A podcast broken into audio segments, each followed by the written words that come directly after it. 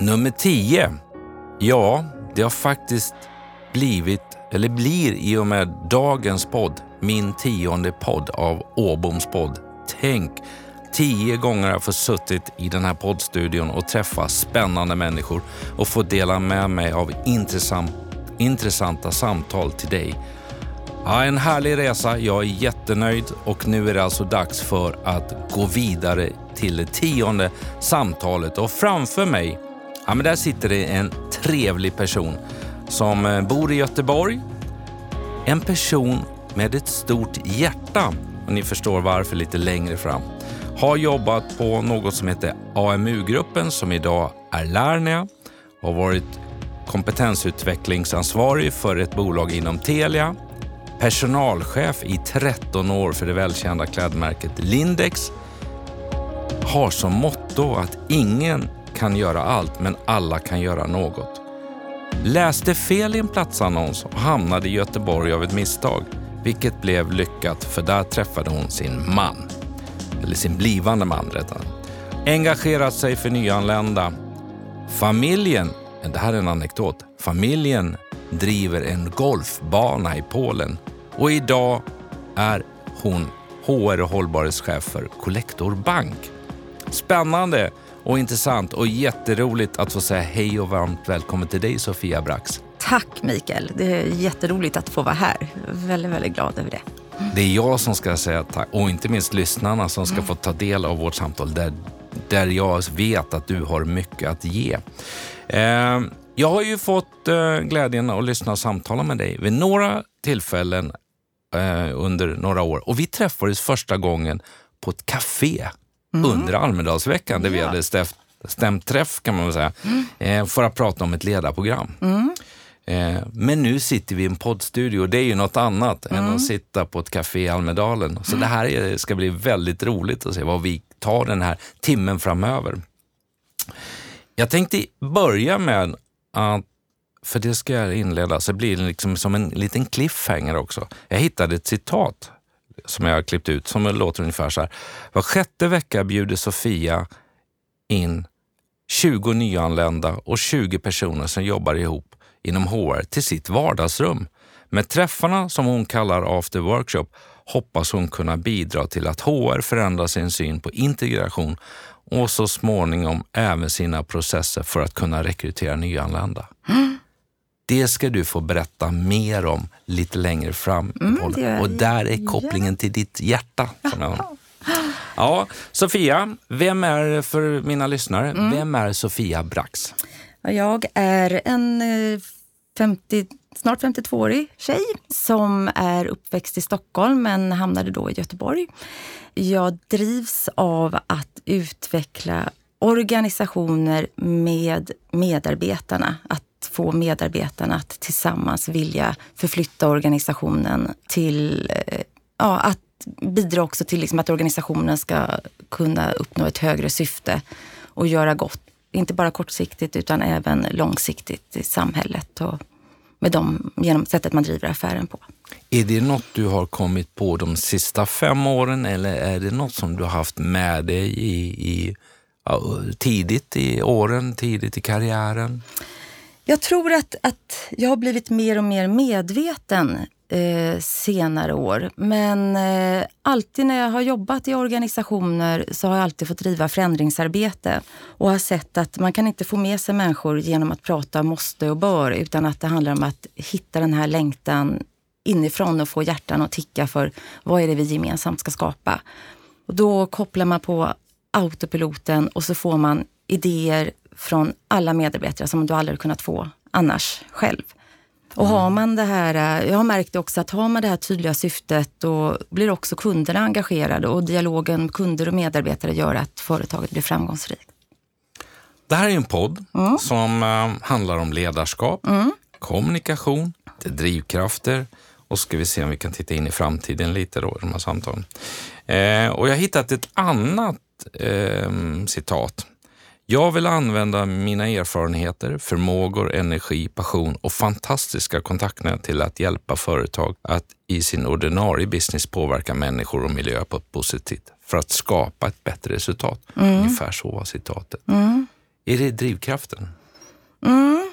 Jag tänker så här att när jag möter andra människor så blir jag alltid imponerad och inspirerad av vad de kan och vad de gör, hur de uttrycker sig. Och, och så tänker jag att om vi tillsammans, om man kan använda allt det här till att skapa någonting tillsammans, den här helheten, det, då lyckas man. Så det är en väldig drivkraft hos mig. Att liksom plocka ihop delarna till en gemensam målbild. Som HR-chef Mm. så rapporterar man till en VD. Hur lätt är det att få VDn att lyssna på de tankarna och idéerna? Jag har alltid haft turen att ha en VD som, eh, som jag har kunnat ha en väldigt nära dialog med och också visa mig sårbar inför. Eh, när, framförallt när jag började på Lindex, eh, så vdn där, Göran Bille, han, eh, jag hade först en annan roll och sen så frågade han mig om jag ville Först frågade de mig om jag ville bli HR-chef och då sa jag nej, det är alldeles för stort för mig. Fyra länder, det, det kan jag inte. Och sen jobbade jag där ett tag i en annan roll och sen fyra månader senare så frågade han mig igen, men nu får du bli HR-chef. Och då tänkte jag så att han vet ju verkligen vem jag är, han har lärt känna mig. Eh, han vet vad jag kan och inte kan. Och i, i det beslutet då när jag tackade ja, då vågade jag ju vara sårbar från början. Och också hela tiden se honom som en väldigt nära vän för att vi ska kunna få den här organisationen att må bra. Eh, och sen har jag ju haft några vd efter det och jag har alltid gått in i den här rollen med den, ja, med den lärdomen att jag måste ha den här nära dialogen. Så jag har liksom börjat med att bygga dialogen med vd från början utifrån det behovet. Du nämnde Lindex Mm. och där har du alltså lagt 13 år ungefär Mm. av ditt liv.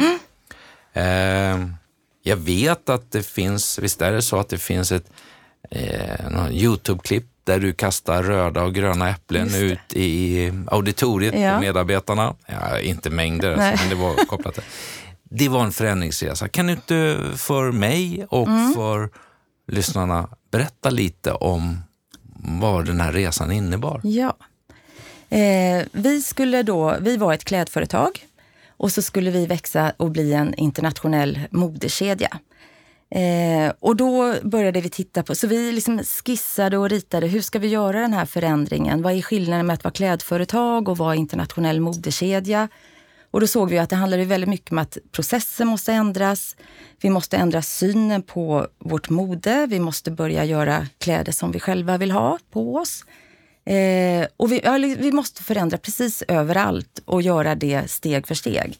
Men vi måste göra den här resan väldigt tydlig för alla så att alla kan känna att de förstår vad som behövs och, och också komma med idéer. Hur kan de bidra och vara delaktiga?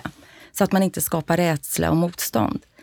Eh, och vi, jag tycker att vi, eh, vi såg över värderingar och vi såg över ledarskap och, och vi målade upp liksom målbilder om att, eh, ja, att vad innebär det att vara den här modekedjan. Eh, och vi började 2004 och 2009 så märkte jag att vi hela tiden sa att vi ska försöka bli modekedja. Eh, och sen så sa vi, tänk om vi skulle ändra det mindsetet och säga vi är en modekedja, vad händer då? Och då när vi gjorde det och började prata om oss själva och bytte liksom synen på vår egen identitet. Plötsligt så bara eh, rasslade det till och det hände jättemycket spännande saker. Men, men gjorde ni bara det i ledningen? Eh, Ni tittade på varandra och säger nu är vi en modekedja. Eller jag menar i fyra länder, hur många medarbetare var ni? Vi var väl eh, ungefär 4-5 tusen. Ja. Hur når Eh, ni då ut med det och hur fick ni? Vi jobbade, liksom, vi jobbade väldigt visuellt. Vi byggde upp, vi sa att ett delmål är att vi vill in i London. Och där är man verkligen, då måste man vara en modekedja för att lyckas där. Eh, och inte ett klädföretag som försöker bli och kämpa med dåligt självförtroende. Eh, så då byggde vi upp, eh, vi åkte runt till de olika länderna eh, och hyrde såna här Londonbussar. Vi spelade upp visuellt att nu är vi i London. Eh, och sen så kunde vi i ledningen, vi klädde ut oss med peruk och så sa vi det att eh, vi var kändisar och vi bad personalen om autografer för att de jobbade på Lindex. Finns det bilder på er? Det finns bildbevis någonstans. Underbart. okay. eh, och 2009 vann vi årets modekedja. Men det, det största och häftigaste i den här resan, det var den, då började ju företag prata om det här med att ha ett högre syfte och hur ska vi nå det och vad, på vilket sätt gör vi gott i samhället? Och då tog jag fram en bild, första sidan på Times Magazine. Och sen så tog jag och bytte liksom lite text på rubriken och skrev att Thank you Lindex for being a great, uh, for creating a change for women in the world. Mm. För vi var ett företag som eh, målgruppen var kvinnor och i produktion så var det mest kvinnor som jobbar och kunderna var kvinnor. Och sen så åkte jag runt med delar av ledningen till, då var vi nog på 18 marknader redan och i produktionsländerna. Och så sa jag så här att om den här, om tio, nu är vi tio år i framtiden, det här står på alla löpsedlar för Lindex har verkligen gjort skillnad i världen. Och så fick eh, alla medarbetare, de fick blunda och fantisera om vad är det vi faktiskt har gjort för att nå dit och på vilket sätt har de bidragit? Eh, och det var, för mig var det, det blev liksom något magiskt som hände då faktiskt mm. inom företaget. Och eh, det kunde till exempel vara att på produktionskontoret i Kina så kunde man säga det att men min dröm skulle vara att vi som kvinnor också får ha ett kylskåp där vi kan få ha bröstmjölk så att vi kan, eftersom man inte är föräldraledig lika länge som i Sverige, så att man kunde ändå få ge sitt barn, liksom amma och ge det bröstmjölk. Ja, det kunde vara att ja, men i marknadsföringen, tänk om vi skulle visa kvinnan på ett annat sätt. Eh, så att hur kan vi förändra synen på kvinnan i samhället genom ja, vilka modeller vi visar upp? Eh, på fabrik så kunde det vara eh, att att ställa krav på att cheferna ska vara kvinnor så att man kunde ordna, så att då förstod ju de och kunde lyssna på personalen och ordna riktiga bra toaletter och ja, steg för steg förflytta fram positionerna. Eh, så det var där så nådde vi verkligen det här att drivkraften och längtan från alla medarbetare, det blev liksom som en rörelse i företaget. Och också tillsammans med kunderna. Så det var helt fantastiskt. Ja, det förstår jag. Mm. Vad, vad, skulle du säga är Lindex kultur? Eh, ja, men det är väldigt liksom, stort, stort hjärta, stort engagemang och att göra saker och ting väldigt liksom, jag vet att enkelhet och tillsammans var någonting som vi pratade väldigt mycket om. Men då just det, den fråga om äpplena där. Ja, det ja. måste du berätta. Vad eh, hände? Eh, vad hände? Var det jo. fruktstund på konferensen? Ja, Lindex skulle fira att vi skulle fylla jämnt. Och det var en jättestor fest med, med alla medarbetare och kunder. Och, och jag skulle upp på scenen. Och så dagen innan så satt jag verkligen så på något budgetmöte som inte var så roligt. Och jag satt och tänkte bara, åh, och imorgon ska jag, vad ska jag prata om och hur ska jag lägga upp det? Och så var det en fruktskål på bordet. Och sen så tänkte jag så här, vi ville verkligen få igång intern rörlighet inom företaget. För att eh, jobbar du i butik så att få jobba på inköp och, och, förstå hur man köper in för att, och jobba på inköp och förstå hur mycket av de här produkterna får plats i butiken. Eh, ja, vi ville få igång den här interna rörligheten. Och då så tänkte jag att eh, jag tar med mig äpplen till den här, mm, det här eventet och så låter jag, kastar jag ut dem och så låter jag de som får samma färg på äpplena byta jobb med varandra en vecka eller så. Okay. Så att då frågade jag i publiken, vilka älskar Lindex så pass mycket så att ni känner att ni nästan svarar Lindex som ert efternamn när telefonen mm. ringer? Räck upp en hand. Ja, så gjorde man det.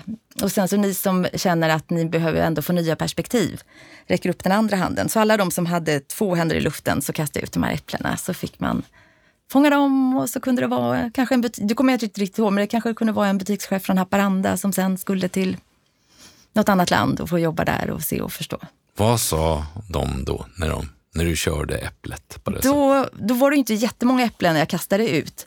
Men det som var roligt, eh, det var att, eh, jag tror det bara var fyra äpplen jag kastade ut. Att nästa dag så kommer jag till jobbet och då, kommer, då låg det redan på mitt bord massor med äpplen. Och så kom någon in med liksom den frukt de hade hittat, så här, en banan eller vad det kunde vara. Så att, Sofia, det här, jag vill också få vara med och se och få andra perspektiv. Och så startade det The Apple Movement. The Apple Movement. vad spännande. Ja, vad roligt. Ja, det förstår jag. Mm. I din roll mm.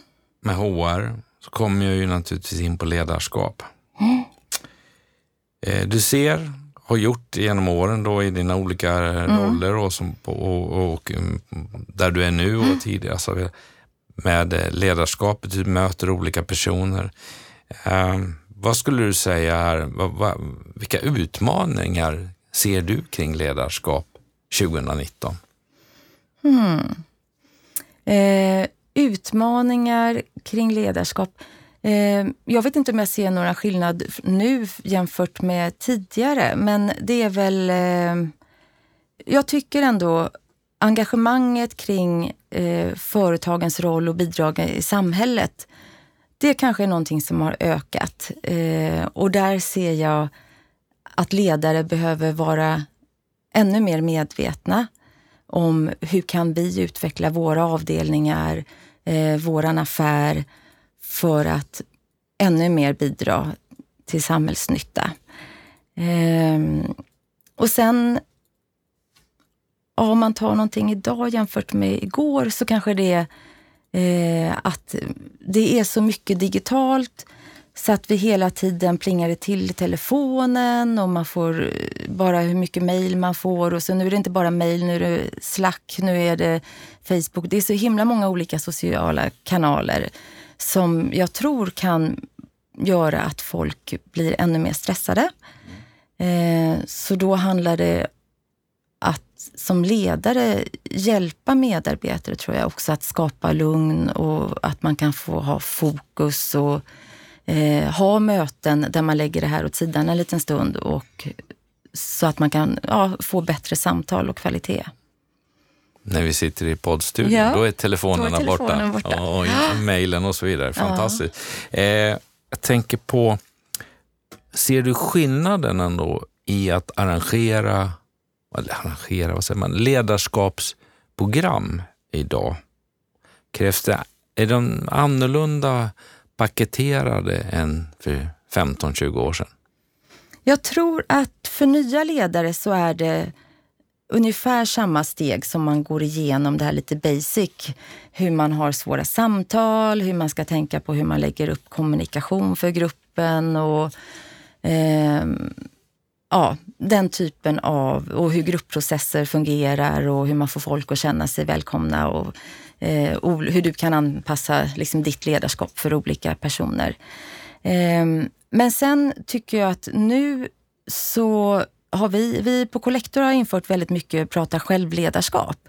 Och det, nu vet jag inte om det är att, att jag har blivit så intresserad och sett hur fantastiskt bra det är som gör att jag hör ordet självledarskap överallt, att min perception har förändrats.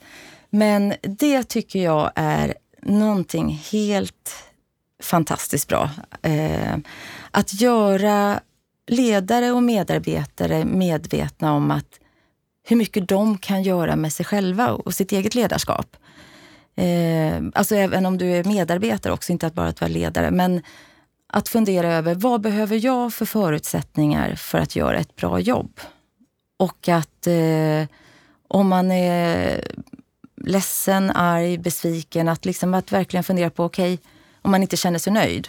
Mm. Vad, vad är det jag behöver för att bli det? Är det någonting jag kan påverka? Är det något min ledare kan påverka? Och få personen att bli medveten om det och, och lyfta det.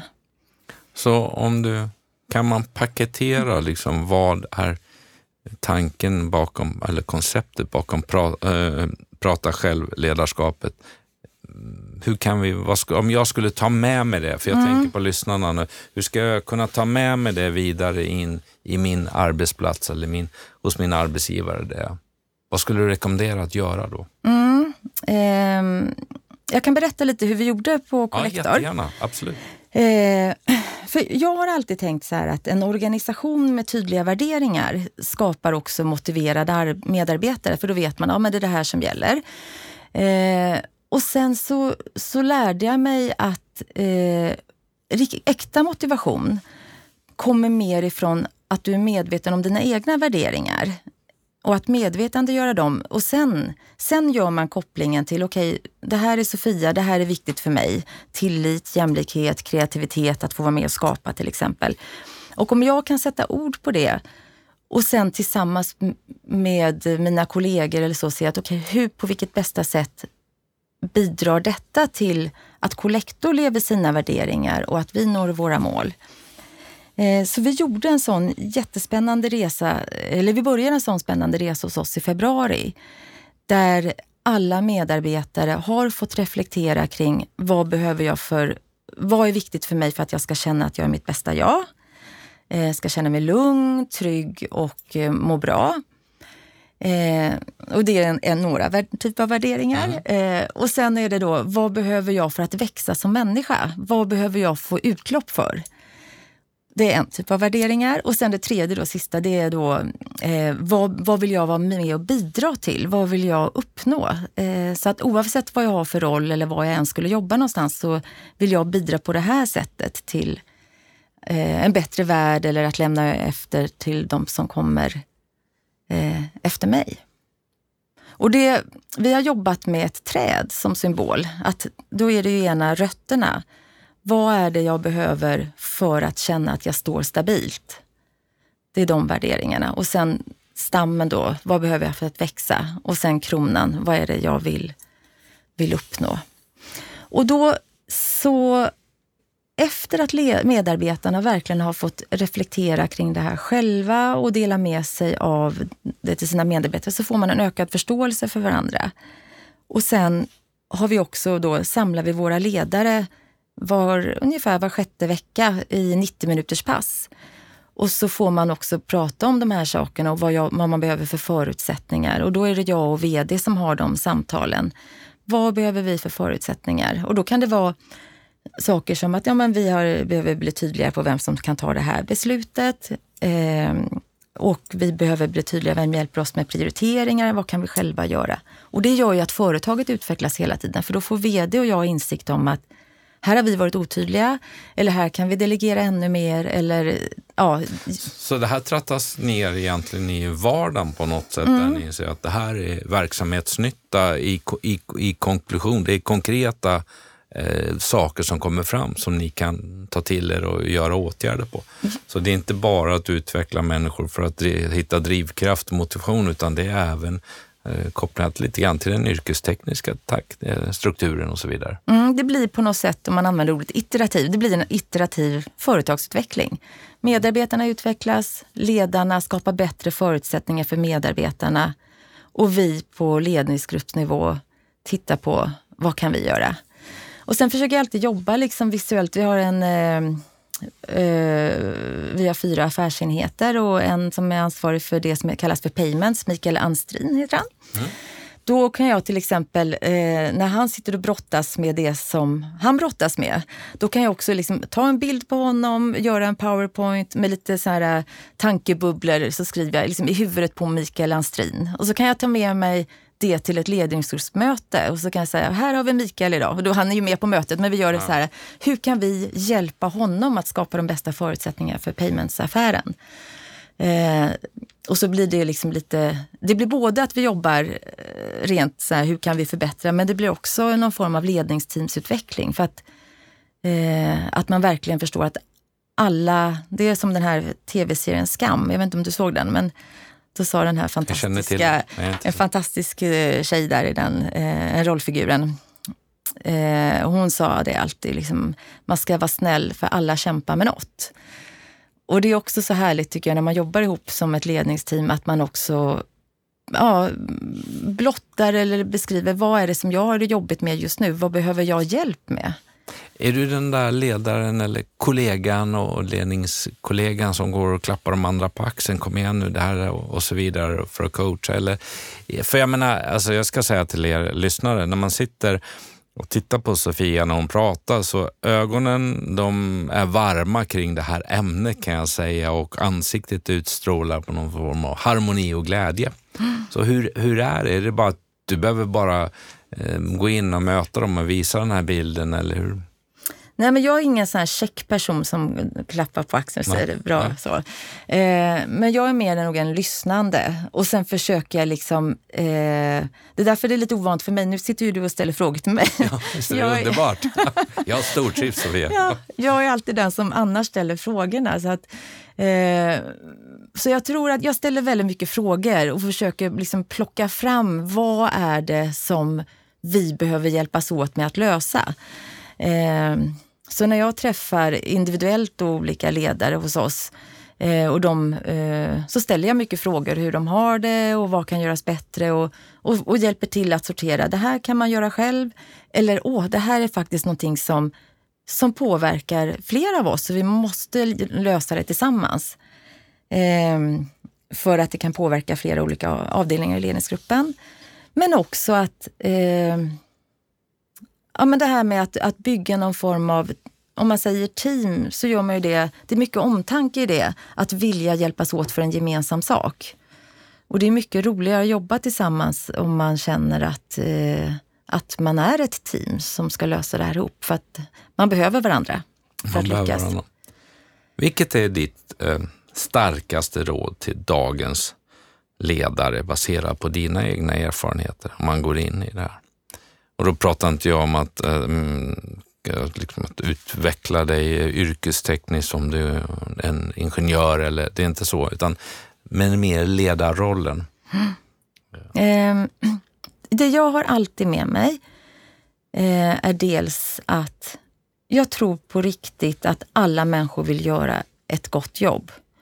Jag har aldrig mött någon som tänker sig, imorgon ska jag gå till jobbet och och jag ska inte göra ett bra jobb. Jag tror att alla verkligen på riktigt vill göra ett bra jobb. Ehm, och eh, Så det har jag, även om jag ibland, om jag möter någon medarbetare som känner att, jag inte, att den personen inte har levererat eller det inte blev som jag hade tänkt mig eller så. Eh, när jag har med mig det så blir jag ju mer nyfiken på, okej, okay, vad kunde jag som ledare gjort tydligare i briefen eller är det någonting annat jag kunde stöttat upp med eller har jag inte gett för, rätt förutsättningar? Så att, att ha det mindsetet, det är någonting som, som jag eh, tycker att jag har alltid för jag har alltid kommit väldigt nära, tycker jag, både de i ledningsgruppen och mina medarbetare. Eh, fått väldigt liksom bra relationer och, och försökt leda genom det sättet. Eh, och sen någonting som jag också tänker på det är att jag möter eh, en del, liksom, om, om man är oerfaren ledare så kanske man tänker att man vill blanda in medarbetarna när allting är klart. Och där tycker jag att man kommer mycket längre om man blandar in tidigt i processen och, eh, och inte behöver allt behöver inte vara klart utan man kan använda teamet istället. Och man behöver inte visa att Åh, jag är så himla bra, jag har redan löst det här, så här ser det ut. Eh, utan att, att man kan förmedla nu behöver jag göra den här förändringen, det här och det här har hänt. Hur kan vi tillsammans? Så att man lyssnar av. Eh, och sen blir det ju... Sen behöver jag ju ändå sätta mig ner med det slutgiltiga. Men då tror jag att man känner som medarbetare också att ja, jag fick, jag, jag, man har lyssnat av de olika perspektiven. Sen kan ju inte alla få allas vilja igenom. Liksom. Nej, det, det, finns ju en verklighet. Ja. Det finns en, en vardag att ta hand om där naturligtvis och, och där det, saker måste rulla på. Eh, vad gör dig riktigt glad som ledare? Mm. När du tar spårvagnen hem i Göteborg, för det är väl det ni gör? Precis. För ni har dem ovan mark? Va, som inte, ja, vi har dem ovan. Ja, ja, ni har. ja, men det, jag, det som gör mig riktigt glad, det tror jag är när det har varit någon, kanske någon förändring som behövts göras och jag själv kanske har våndats för hur ska, hur ska jag involvera, hur ska jag ta och informera och hur ska vi liksom skapa det här tillsammans. Men när man, när man känner att poletten har trillat ner och den här äh, vi-känslan om det här ska vi lösa. Eller också ännu gladare då när man har löst det. Eh, men just när man har skapat någonting tillsammans där man, där man har utmanat och fått människor att tänka på lite nytt sätt. Mm. Jag har spelat in och haft en gäst som heter Katarina Elmsäter Svärd mm. här i studion. Mm. Och då ställde jag en fråga som jag fått inmailat. Mm. Och då tänkte jag, jag gör den till dig mm. också. Mm. Och det var rollen kring mellanchef. Mm. För både du och jag har många års erfarenhet att sitta i så att säga, företagsledningsstolen. Men vi har också varit längre ner eh, och, och gjort resan. Och då när man är mellanchef så fick jag liksom frågan, det är en tuff roll. Man trycks både uppifrån och nerifrån mm. kring de här delarna. Eh, som om ingen trodde att det fanns en styrelse ovanför ledningen. Och så, mm. men, men, det gör Men har du några tankar eller något råd och tips hur man ska klara den pressen? För att eh, man får Kanske det fattas beslut i ledningen, det är mycket leverans, leverans, göra det. Samtidigt så finns det människor under sig som säger varför då? Mm. Hur hanterar man det? För det kan ju bli en stress och en börda. Mm. Och om man inte tillräckligt, eller om man ja, inte har erfarenhet, mm. eh, man är ganska ny i rollen, så kan det bli en tuff utmaning. Mm. Ja, precis. Det är svårt att få massa frågor och eh, funderingar från medarbetare och så kan man inte riktigt... Eh, då är det, handlar det väl om att vara, vara trygg med att säga det här vet jag inte, det får jag ta reda på. Eller både att samtidigt som man då är trygg med och, och kan förmedla det, har den dialogen med sin egen chef kring vad är den yttersta liksom, viljeinriktningen? Och hela tiden gå tillbaka till företagets mission eller högre syfte. Mm. Du och din VD, jobbar ja. ni mycket på kommunikation idag, alltså med att kommunicera med eh, eh hur många medarbetare är ni? Vi är 460 medarbetare. Ja. Hur, för att nå, ja. ni träffar ju inte dem varje Nej, dag, varje vecka. Ni är i fyra länder tror jag. Mm. Eller? Tre länder. Tre länder. Ja, mm. Sverige, Norge och Finland. Och ni är inte i Baltikum, annars är det ju ett populärt område ja, nu i bankvärlden. Nej, okej, okay, vi släpper den. vi släpper den. Ja. Eh, nej, men vi har då, eh, dels så åker vi ungefär en gång kvartalet till Norge och Finland och då är vi där lite längre och har workshop och jobbar igenom med olika, på olika sätt saker och ting med personalen där. och i Göteborg så samlar vi också i något som kallas Collectors Corner och det gör vi en gång i kvartalet ungefär. Men sen har vi på fredagar, då har vi något som vi kallar för kunskapsfika. Eh, och då bjuder vi in till aktuella ämnen eh, och det kan vara det kan vara något av vårt, vårt affärsområde som eh, vill prata om våra produkter och tjänster och ha lite workshop kring det. Ehm, det kan vara ja, det kan vara någonting som är kopplat till strategin eller något som är kopplat till personal, liksom välbefinnande och så. Men annars så har vd och jag börjat med, förutom de här ledarträffarna som vi har, så har vi börjat med frukostmöten med personalen och då bjuder vi in åtta till tio medarbetare varannan onsdag morgon och, eh, och brer mackor ihop och sitter eh, så att det ska kännas väldigt så här, avspänt och informellt. Eh, och då heter de Frukost med Martin eh, och det är slumpmässigt utvalda människor från olika avdelningar. Och Martin är vd? Martin är vd. Mm. Ja, tack. Ja, jag ville bara så att jag förstod. ja. Lyssnarna förstod absolut, men jag behövde. Ja. Och då har vi lagt upp dem så att det är två teman på dem, de frukostarna. De är på en timme. Eh, och det första temat är livsmotton. Och det är jättespännande. Och det andra är omvärldsspaning. Livsmotton och omvärldsspaning. Ja. Då ska jag berätta. Mm. Eh, för att vi eh, såklart eh, drivs ju av liksom, finansiella mål och, och, att hela tiden eh, att det ska gå bra för oss ekonomiskt. Men vi vill ju också bidra till eh, att göra bra saker i samhället. Och då handlar det om hållbarhet och att vara hållbara själva. Eh, och då hade jag ett samtal med, med Martin om om de åren han nu är VD för oss på Collector. Eh, hur vill han och de åren vi jobbar tillsammans med honom eller när vi jobbar på Collector. Den dagen när vi ligger på dödsbädden och tänker tillbaka på vad gav de här åren mig? Då, då bad jag honom formulera vad skulle han vilja skicka med som gav eh, oss som människor och inte bara liksom som just att vi var på Collector och gjorde bra saker där utan vad, vad, vad kan det ge oss som människor i vår egen utveckling? Och då formulerade han fem livsmotton. Och så jag, tänker, ja, jag behöver inte förklara vilka de är, men utan det som blev så bra det är att på det här mötet så delar han med sig av dem, men alla får dela med sig av sina motton. Och så blir det liksom ett, ett väldigt fint samtal kring vad som faktiskt är viktigt här i livet. Och då blir det ju sen också, hur kan vi göra det för oss som medarbetare och för våra kunder? Eh, och sen när vi har haft det samtalet i ungefär en halvtimme så går vi över till vad händer i omvärlden och hur påverkar det oss? Eh, och då blir det ju ofta frågor kopplat till hållbarhet eh, och klimatfrågor och ja, allt kring etik och, och hur påverkar det oss inom Collector? Hur kan vi göra saker ännu bättre? Hur många var ni vid varje tillfälle? Ungefär åtta till tio.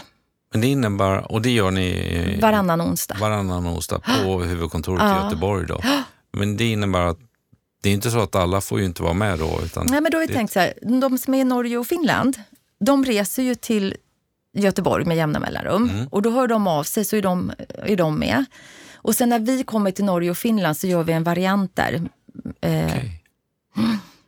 För mig låter det som en HR-chef och en VD som är väldigt nära och är tillgängliga för medarbetarna i Collector. Mm, vi har en väldigt platt organisation. Ja, spännande. Ja. Och det, det blir liksom... Ni öppnar upp på något sätt och får fram... Ja. Det som händer i det samtalet är någonting som de här medarbetarna, de kommer från den frukosten. Dels så har ju de haft samtal med en annan person från en helt annan avdelning som de kanske inte alls har kontakt med i vardagen. Så det sprider, så här, tycker jag, väldigt härlig känsla i företaget. Och att man verkligen lyssnar på ett annat sätt. Jag tror alla blir lite så förvånade när de går därifrån. Att wow, att vi satt och samtalade så fint om sånt som man inte tror egentligen har med jobbet att göra. Och så plötsligt så har det ju det i allra högsta grad. Och det, där åker det inte upp en, en eh, powerpoint med eh, finansiella analyser då vid, vid Nej. bostadsfrukarna? Nej. Och sist nu så hade vi, är det, idag är det torsdag. Mm. Då hade vi ju en i, nu i veckan och då, då var det en person som hade som sitt livsmotto att, och då blev jag först såhär, va?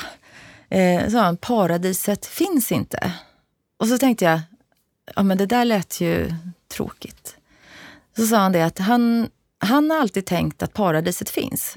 Och alltid strävat efter när, sak, hur, när ska det bli, äntligen bli perfekt och vad är det som inte, hur ska jag ta tag i det här? Och levt i liksom att kämpa hela tiden eh, för att nå det här eh, när allting är på plats. Och så sa han när han hade ändrat inställning, han hade väl läst en bok eller hört det här citatet från någon att paradiset finns inte. Så bara kunde han liksom, att det är faktiskt så här livet ser ut här och nu. Det är så fantastiskt som det kan vara här och nu. Det kommer alltid vara saker och ting som är svårt och lätt. Och, det var en väldigt fin så här, inställning till livet tycker jag, som jag kommer ta med mig av. Det, blev, det, blev, det förstår jag att man mm. Ehm, först tänkte, vadå? Har han tappat geisten eller att tro ja. på någonting? Och sen förstår man vad det handlar om. Det, ja, spännande. Det, det ligger mycket i det. Eh, vid årets bolagsstämma, så när jag hade vd-anförandet, så pratade jag om framtiden. Mm. Men jag sa att, vet du vad, ni kommer aldrig komma till framtiden. Mm. Och därmed menar jag inte att snittåldern var så hög och så på stäm. Det var inte det vi skojade om, utan vet ni vad? För att vi pratar mycket om, precis, det är ungefär samma sak, vi pratar väldigt mycket om framtiden, visioner.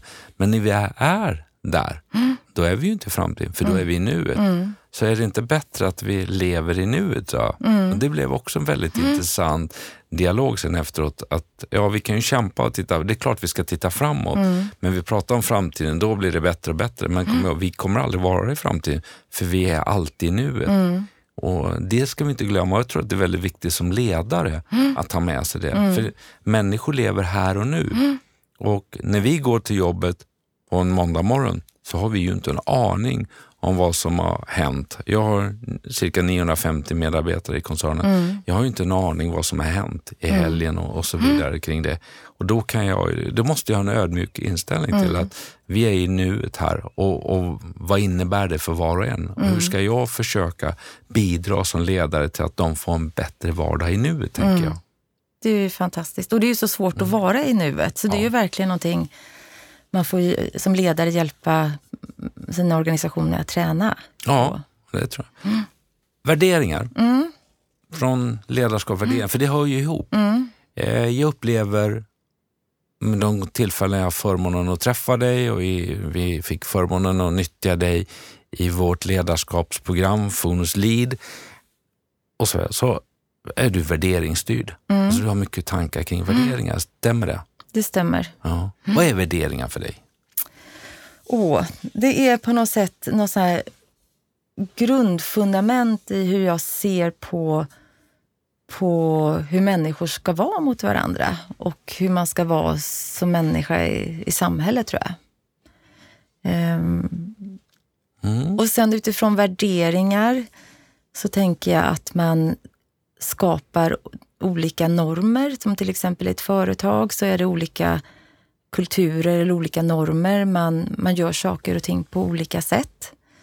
Och därför tycker jag att företag som har väldigt tydliga värderingar, som är värderingsstyrda, det, det är liksom den typen av företag som jag verkligen vill jobba i. Och Collector till exempel har ju eh, tre värderingar, etik, engagemang och entreprenörskap som hela tiden vi refererar till. Eh, och de är väldigt, väldigt starka för oss. Och när vi ger varandra feedback så är det för att då är det liksom att jag, man ibland kan säga att jag, jag tolkar inte den här handlingen som att du verkligen levde den här värderingen och jag måste förstå, vad, hur tänkte du? Eh, så man hela tiden ger varandra feedback. Eh, så jag, ja, att jobba i företag som är värderingsstyrda, men då måste man också ha en tydlig vision. Så att för mig är värderingarna också kopplade till... Eh, Till visionen? ja, att värderingarna är någon form, hur man förhåller sig och hur man tar beslut. Men för att det ska leda i någon riktning och då är visionen den. Så visions och värderingsdrivna organisationer tror jag är, för mig är en väldigt bra, lyckosam väldigt- kombination. Har du varit med om att värderingar och de här ledorden används istället för att ge feedback så, så använder man dem lite verbalt, att slå kollegan i huvudet? Hur, hur menar du då? Ja, men att man säger, du, du, du lever inte våra värderingar och du, alltså du vet den här, när man liksom andunkar till någon istället för att säga, jag, som du sa innan, jag vill förstå, jag upplever inte att du gör det. Man kan ju säga det med värme och kärlek, men det finns ju också de som säger, det här är väl ändå inte värderingar. Alltså. Det finns ju en tonalitet i det. Ja, Ser du exempel på det? inte vad jag kan komma på så här, men visst har man mött personer som i stress och press har uttryckt sig på ett sätt som man känner att oj, eh, vad var det här liksom? Eh, så, men inte sådär att, att jag ser det generellt. Men då, då återigen tänker jag att oj, vad var det som hände här? Eh, och så har jag det här, alla människor vill göra ett bra jobb. Och det här var, så försöker jag liksom ha ett samtal. När du sa si och så, så uppfattade jag det att det var väldigt otydligt. Eller, eh, ja. Mm. Är du en tillgänglig chef och ledare? Mm, jag har alltid haft rätt så breda ansvarsområden.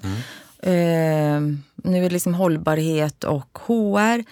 Eh, och på tidigare jobb har jag haft hållbarhet och HR och ibland också kommunikation. Så, att, då, så jag har rört mig liksom väldigt fritt i företaget och rest mycket och eh, samtalat mycket och sådär. Så att jag kanske inte är tillgänglig fysiskt för mina närmsta medarbetare eh, hela tiden. Men jag är alltid väldigt tillgänglig över eh, telefon, mejl, ja, sociala medier. Men jag, jag, jag tror att mina medarbetare ska säga, skulle säga att de får tag på mig hela tiden eh, och så.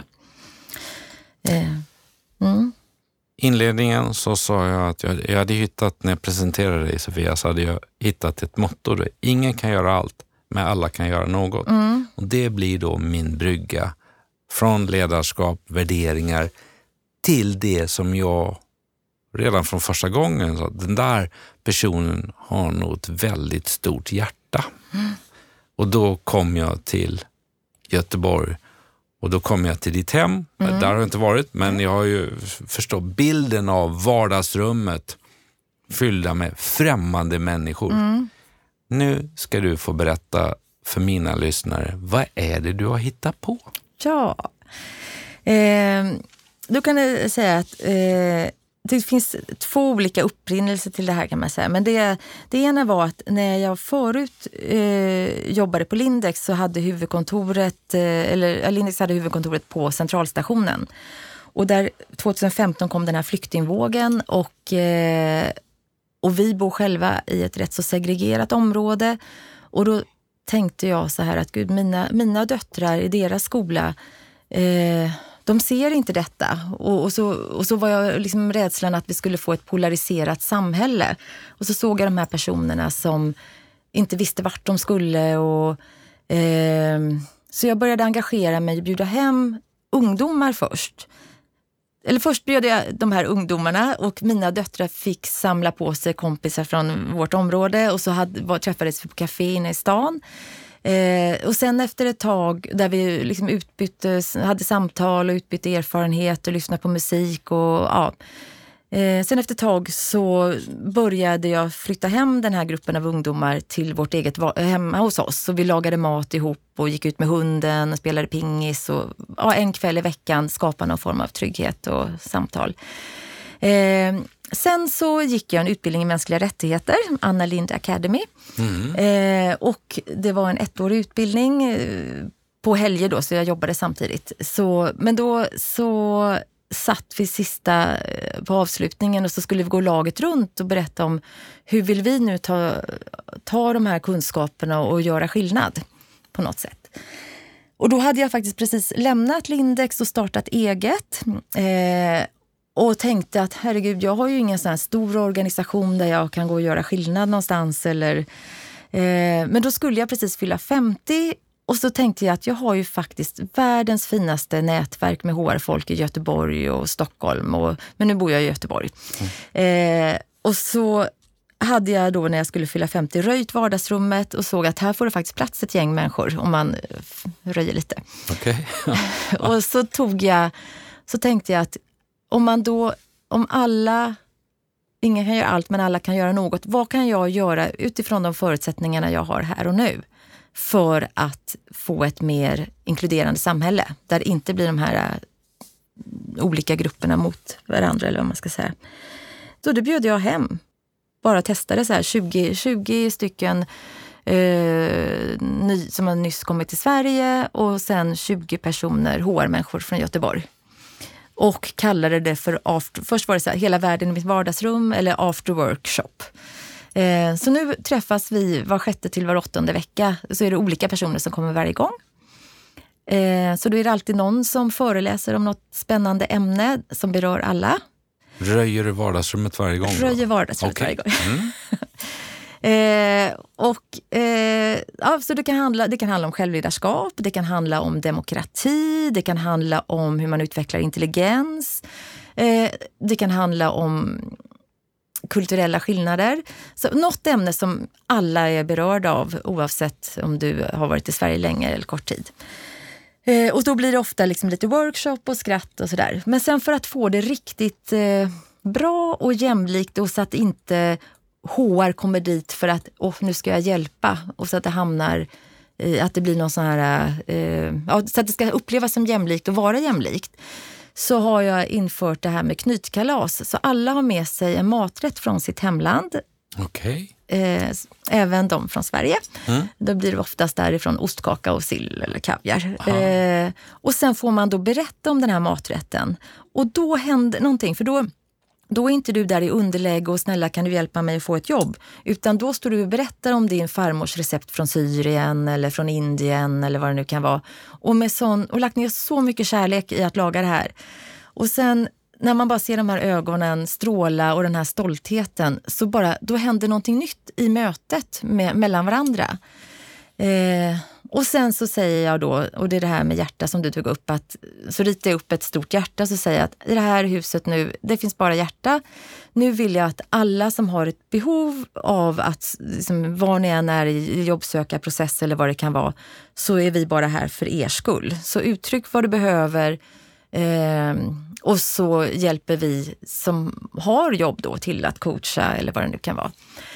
Och då märkte jag ju jättesnabbt att det som de verkligen alla behövde hjälp med, eh, visst kan man behöva hjälp med en CV eller vad det nu kan vara, men eh, det är att man har inga kontaktnät. Man vet inte vad företagen heter, man, har inga, man vet inte vem man ska vända sig till. Och det har ju vi gratis utan att tänka på det. Mm.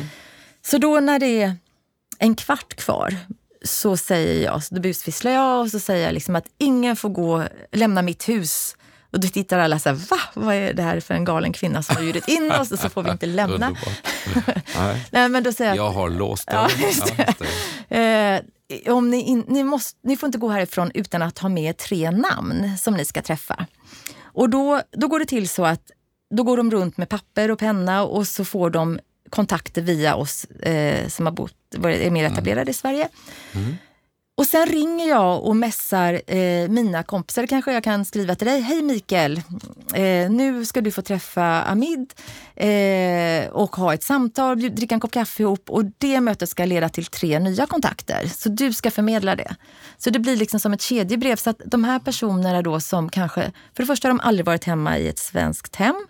Och, och, det tycker de är eh, jättestort. Eh, och sen plötsligt så får de hjälp med tre kontakter som sen blir nio, som blir 27 och sen blir det Ja, och vad blir det sen? 81 eller ja. Ja, jag förstår. Det bara växer. Det växer och så är de i rörelse och sen, ja men där kan man säga när du frågar mig vad känner jag, vad gör mig glad när jag åker på spårvagnen? Mm. Då är det också någonting när det plingar till, för då är det mitt LinkedIn-flöde, liksom när de skriver att nu har de fått praktik på Volvo eller de ska få göra det. Ja. Så det är, det är jätte, jättehäftigt. Och de som tackar mest, det är faktiskt HR. Som, eh, eller tackar, men de som är mest så här att wow, jag, att jag trodde att jag skulle komma dit och ge. Men det som hände efter den här workshopen, det var att jag fick så himla mycket nya insikter, kunskaper, förståelse eh, och hur man själv kan liksom göra, ja, integrera mer och få in mer mångfald på sina egna arbetsplatser. Jag har också om du har läst, nej jag tror du berättar att du har lärt, eller ni har lärt dem att skriva CV. Mm. Visst är det så? Ja. Så det är, då, eh, många har med sig en CV och då så sitter man och jobbar med det. Och sen, eh, det är väldigt så här behovsstyrt de här träffarna. Ibland kan det vara att flera stycken ska på anställningsintervju och då kan vi köra lite rollspel kring dos and don'ts på en anställningsintervju. Eh, och det är alltid någon som tycker att det kan vara kul att spela lite teater och visa med goda exempel och, och inte så goda exempel. Då. Jag förstår. Vad har du fått uh, för respons? Har, har uh, Göteborgs kommun eller, uh, ja, eller någon, alltså någon verk, myndigheterna, är det någon som har uppmärksammat det här? Har de sett det här? Mm, det är väl mer att eh, jag får förfrågningar faktiskt från hela Sverige om, eh, om de kan få konceptet och, och, och köra det på sina företag och så. Och då har jag sagt att det är ju väldigt enkelt koncept. Det är ju bara liksom de här olika... Röj vardagsrummet och bjud in det. Men det som jag själv känner det är att eh, och så har jag väl fått organisationer som har hört av sig om vi kan göra det här tillsammans och så. Men det jag har sett som en sån viktig del i det här det är att faktiskt vara i, i min hemmiljö. Och, och sen, eller någon annans hemmiljö. Men att då... Ja, det, istället för att man är på något kontor någonstans så är det väldigt... Det, det är också en viktig ingrediens tror jag, att man bjuder hem man, man bjuder till och man visar. Och då, då blir det också de som kommer hem till mig från Sverige tänker åh så här kan jag göra. Och så vet jag att de har bjudit hem Eh, och haft indiska middagar, dansat Bollywood-dans eh, med familjen någonstans. Så det... Har du provat? Ja. Okej. Okay. Men, men så, vad är det som driver dig till att göra det? Vad, vad är det? Jag ser du är glad i ögonen när du berättar. Vad är det som får dig att För det här är ju lite att gå utanför ramarna eller Mm. göra något mer. Vad är det som driver dig till det här? Men jag, jag vet inte, jag, jag tänker att, nu tänker jag spontant, för jag har också funderat på vad jag drivs, varför jag drivs av detta. Men min bästa kompis eh, dog när jag var 17 år. Och då vet jag att jag tänkte det här kan inte vara meningen med livet, att eh, hon ska gå bort. Liksom. Eh, och så tänkte jag så här att oh, det kan ju hända vem som helst, att man faktiskt, livet tar slut när som helst. Eh, och på något sätt har jag tänkt att eh, varför inte göra det så bra som du bara kan för dem du kan göra det bra för under den tiden du lever. Eh, så det, det tror jag driver mig att, att de som har varit i kontakt med, med mig eller de jag jobbar med eller vänner och bekanta att, att, eh, att se till att göra livet ja, men så roligt och innehållsrikt. Om jag kan vara med och påverka det på något sätt så... Eh, och det går tillbaka till det här liksom med att visa respekt och jäm, ja, Jag tänkte på det här frukosten vi hade med, med Martin på Collector nu i mm. veckan. Så var det eh, en av våra fantastiska medarbetare på Contact Center, heter det. Men hon berättar när hon, varenda gång hon har en kund i telefonen så tänker hon att ja, men det här skulle kunna vara min bästa vän. Att hela tiden förklara, och liksom, för det är ju privatpersoners ekonomi, eh, liksom att, att göra det bästa för den personen, att göra de bästa valen och vara så tydlig, pedagogisk och liksom, ja, omtänksam i, i den vägledningen. Och när hon beskrev hur, hur hon, hennes mindset i varenda möte hon har, så blev jag också sådär, ja det var wow liksom. Och det är så jag också vill möta människor med att känna att ja, men har man träffat mig, har man varit med om detta, eh, om jag kan bidra till att, eh, att det blir lite bättre på något sätt. För, oavsett vad man har för behov. Du sa att du inte är eh, chefen som, eh, som går och klappar direkt på axlarna mm. och, så här, och på det sättet coachar eller ger feedback eller någonting. Men du verkar ju vara en väldigt kreativ HR-chef. Mm. Stämmer det? Alltså, ja, men det, det, det tror jag stämmer. Eh, om jag, jag brukar ställa den här frågan, mm. inte alltid, men jag ställer den här eh, frågan eh, i många poddar. Och den gör jag också när jag intervjuar medarbetare, mm. eller kommande eventuella mm. medarbetare. Om jag ringer dig till din man, mm. han som du träffade när du mm. gjorde ansökningsintervjun, mm. när du landade i Göteborg. Vad skulle han säga om sin fru Sofia? Hur skulle han med ett, två, tre ord beskriva dig? Mm, han brukar säga, eh, eller brukar, men jag tror han skulle säga varm och eh, glad. Eh, jag är oftast glad om jag inte är bekymrad eller ledsen. Okay, ja. Jag är väldigt sällan arg. Eh, och sen skulle han nog säga att jag, eh, han tycker att jag hittar på lite för många saker tror jag. Underbart. Hittar på för många saker. Det skulle min fru Varn aldrig säga om mig. Så har vi bockat av även den. Eh, ja, härligt. Eh, och då hitta på för många saker. Som inledning så nämnde mm. jag liksom där kuriosa eller anekdot. Mm. Varför driver man en golfbana i Polen, Sofia? Ja, det är ju, det är ju faktiskt eh, min svärfar som hittar på ännu mer saker än vad jag gör. Okay. Eh, så när jag träffade min man Johan så hade han precis flyttat tillbaka från Polen för han hade bott där i fyra år och, och byggt upp ett jordbruk. Eh, och när jag träffade honom då hade han och hans pappa precis börjat, liksom, den här marken, en del av marken låg fantastiskt vackert i ett naturreservat. Och då började vi bygga den eh, banan. Så det har vi ett sommarställe där också. Mm. vad häftigt att ja. höra. Kära lyssnare, en eh, timme ungefär som vi brukar ha Åboms podd på går väldigt fort. Eller hur Sofia? Mm. Vi har haft nöjet, eller jag har haft nöjet att sitta mitt emot dig.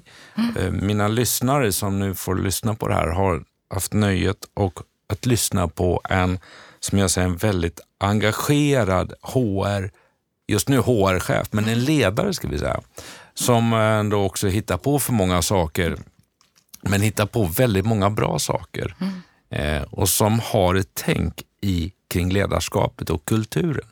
När jag summerar lite grann av det vi har fått ta del av så drivs du Sofia av att utveckla organisationen, se vilken nytta ni kan vara och hur ni kan bidra till eh, ett bättre samhälle. Du sa också att eh, ja, men jag har haft tur, jag har haft bra dialog med vdn. Så är det, men kan man inte också ta det att ju mer tur jag har, eller ju mer jag tränar, ju mer tur får jag. Så det kanske ligger någonting i din egen förmåga att landa rätt och öppna upp och, och känna att, eh, få vdn att känna sig trygg också, kan jag tänka mig. Eh, vi pratade om Lindex och där ni från att pratade om en ambition till vi är det här modeföretaget och ni hade eh, en vision om att skapa det här högre syftet och att lyckas med en stor organisation. Tror att alla människor på riktigt vill göra ett bra jobb. Jag tror att du är helt ärlig. Det är min tolkning när jag hör dig berätta om det. Och jag tycker det är väldigt fint att ha den insikten och ha den med sig att vi tror att alla människor på riktigt vill göra ett bra jobb när de kommer till, på morgonen till jobbet till exempel. Eh, du har gett ett tips till oss som lyssnar att blanda in medarbetaren tidigt i processen och använd teamet starkt. Och det ska vi ta med oss. Det där med fredagar och kunskapsfika är intressant och framförallt frukostmöten. Att då prata om oh, vilket livsmotto har du?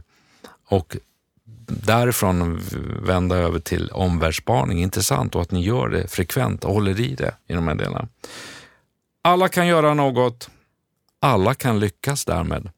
Och gör det bra och roligt för andra är det, en driv, är det en, liksom också ett motto, en vision, du har en drivkraft. Det tar jag med mig ifrån våran stund här i poddstudion. Mm. Vilket härligt samtal och tack för att du delar med dig på ett väldigt personligt och inspirerande sätt, Sofia. Tack för att jag fick komma hit. Hur kändes det att sitta i en poddstudio istället för på kaféet ja. på vägen, eller gatan i Almedalsparken? jo, men jag kände att jag var lite nervös i början. Ja. Och jag tror att det hörs på mina svar där i början, men att jag blev varmare i kläderna efter ett tag. Ja. Ja, jag är inte van att sitta i en studio och bli intervjuad. Nej, härligt. Jag trivdes bra att få ställa mm. frågor kan jag säga. Sofia, eh, när man kommer hit som gäst, vilket jag är oerhört tacksam och ödmjukt glad över, så har, får man en hemläxa mm. eller en uppgift. Och det är på något sätt att sätta lite pricken över dit på en, en, en skön timme tillsammans. Mm. Det är att spela en favoritlåt. Mm. Och vad har du valt? Då har jag valt eh, Jag ger dig min morgon, fast i en tolkning av en syntgrupp från Göteborg som heter Kite. På engelska, I give you my morning. Och den vill jag tillägna eh, faktiskt min jag berättade att jag hade en bästa kompis som dog när jag var 17. Mm. Men för ett par veckor sedan så dog eh, min andra bästa kompis, eh, Tonika Claesson, som jag ska på begravning till imorgon. Eh, och den låten har jag själv eh, i Vita arkivet eh, lagt in där som att jag själv vill ha på min begravning. Eh, gjorde jag för kanske ett år sedan eller någonting sånt. Så när du kontaktade mig nu angående detta så kände jag att den låten vill jag spela och den vill jag tillägna Tonika. Otroligt fint. Mm. Det blir ett värdigt avslut på min tionde podd. Mm. Återigen Sofia, eh, stort tack och jag är jätteglad att du kom och stort lycka till med ditt fortsatta arbete.